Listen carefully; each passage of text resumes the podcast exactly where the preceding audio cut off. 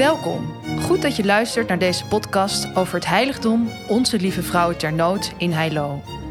Al ruim 600 jaar is de katholieke bedevaartplaats voor zowel gelovigen als niet-gelovigen een bijzondere plek van rust en bezinning. Een plaats van onschatbare religieuze en cultuurhistorische betekenis.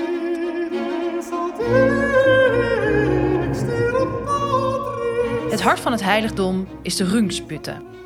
Deze waterbron wordt voor het eerst genoemd in een tekst uit de 11e eeuw. In 1409 werd een eenvoudige kapel gebouwd bij deze put. Het initiatief voor de bouw kwam van een schipper. Hij voer op zee bij de kust van Egmond en kwam in een zware storm terecht.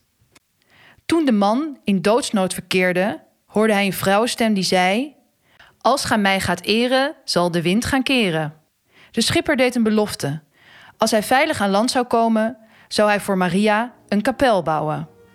Op hetzelfde moment werd een houten Mariabeeld gevonden op een akker.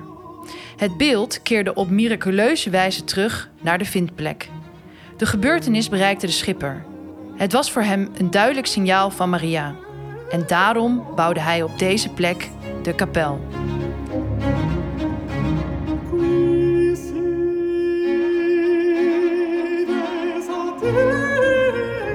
Tijdens de Reformatie werd de kapel verwoest en met de puinresten werd de put gedicht. Maar tijdens het hoogfeest van Maria onbevlekt ontvangenis op 8 december 1713 kwam met veel kracht water uit de put. Runderen met de veepest die het water dronken overleefden de ziekte. Het mirakel van de Rungsput zorgde voor een massale toestroom van mensen. En al snel kwam men van heinde en ver met kannen en kruiken om geneeskrachtig water te halen. Vlak daarna liet de toenmalige protestantse overheid de put dempen.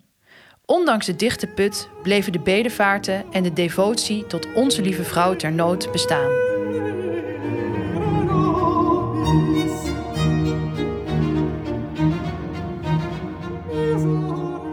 In het begin van de 20e eeuw bloeide het heiligdom verder op. De grote initiator hierachter was de Alkmaarse zakenman Gerrit van den Bos. Gedreven door zijn diepe geloof zorgde hij voor de wederopbouw van de Mariaplaats. Als eerste werden in 1905 de resten van de oorspronkelijke put gevonden en werd de put opnieuw uitgegraven.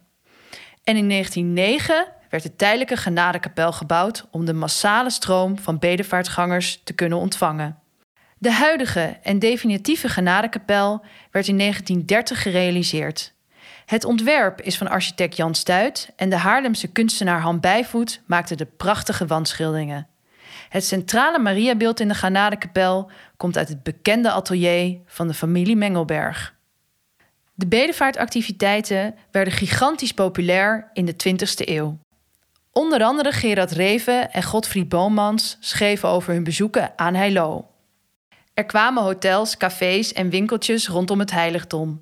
En tot 2013 was er direct naast de Genadekapel een treinstation. Ans Willemse bezocht het heiligdom onder andere in haar middelbare schooltijd. Was toen gebruikelijk, dan praat ik over de examenjaar 1955, dat de examenkandidaten van de middelbare scholen op bedevaart naar Onze Lieve Vrouw ter Nood gingen. En het was lopend, op de fiets of met de trein. Lopend had je de meeste kans van slagen, op de fiets ook nog een beetje. Maar als je met de trein ging, dan moest je nog wel even, even hard werken. Want dan zou je misschien niet slagen. Want het was dus minder inspanning geweest enzovoort.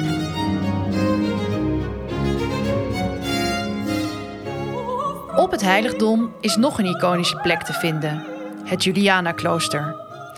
Het klooster werd in 1932 gebouwd na het ontwerp van architect Hendrik Willem Valk.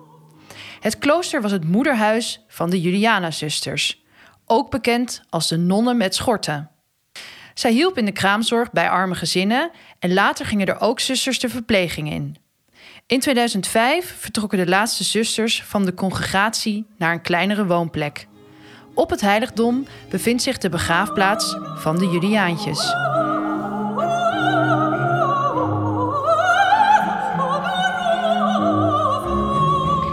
Heiligdom en het klooster zijn dus van grote cultuurhistorische waarde, maar de plek is zeker geen museum. Tegenwoordig is het Julianenklooster een gastenverblijf en conferentiecentrum. Ook is het seminarie, de priesteropleiding van het bisdom Haarlem-Amsterdam, gevestigd in het voormalig kloostergebouw. En veel mensen komen naar het heiligdom om samen met anderen belangrijke feestdagen te vieren of om een retraite in stilte te volgen. Bezoekers vinden individuele rust op het heiligdom, bij het aansteken van een kaarsje in de kapel of door gewoon wat te mijmeren op een bankje in het park. Om alles in goede banen te leiden en de bezoekers geestelijk bij te staan, zijn er verschillende priesters en zusters actief, waaronder moeder Esperanza en priester Anton Overmars. Hallo, ik ben moeder Esperanza. Ik kom zelf uit Argentinië.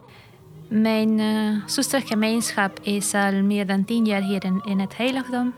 En um, wij zijn hier beschikbaar voor de noden van de mensen, naar de mensen te luisteren en ook uh, sacristiewerk te doen in de kapellen. Hallo, ik ben pastor Anton. Ik werk hier als priester. Ik hou me hier voornamelijk bezig met biechthoren, maar daarnaast ook met het geven van bezinningsdagen en retretes in ons prachtig gastenhuis. Weet dat u overal van harte welkom bent.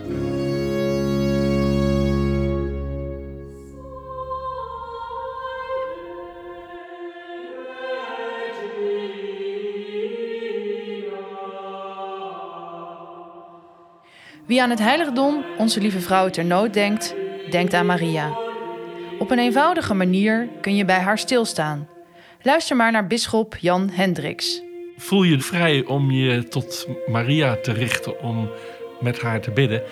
En uh, om bijvoorbeeld ook even de stap te zetten om een kaarsje op te steken. Want als je dat kaarsje aansteekt en je plaatst dat voor Maria, dan brandt dat kaarsje daar ook nog als jij weggaat als het ware bidt dat kaarsje door in jouw naam, terwijl jij al lang weer gestopt bent met bidden.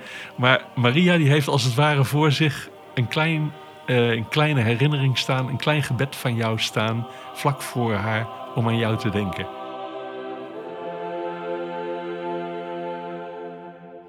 In de lange geschiedenis van het heiligdom hebben vele duizenden mensen op deze plek rust en bezinning gevonden. En dat tot op de dag van vandaag. Het heiligdom is elke dag van de week geopend.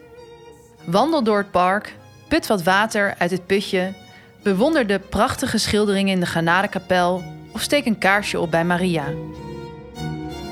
Van harte welkom op ons heiligdom.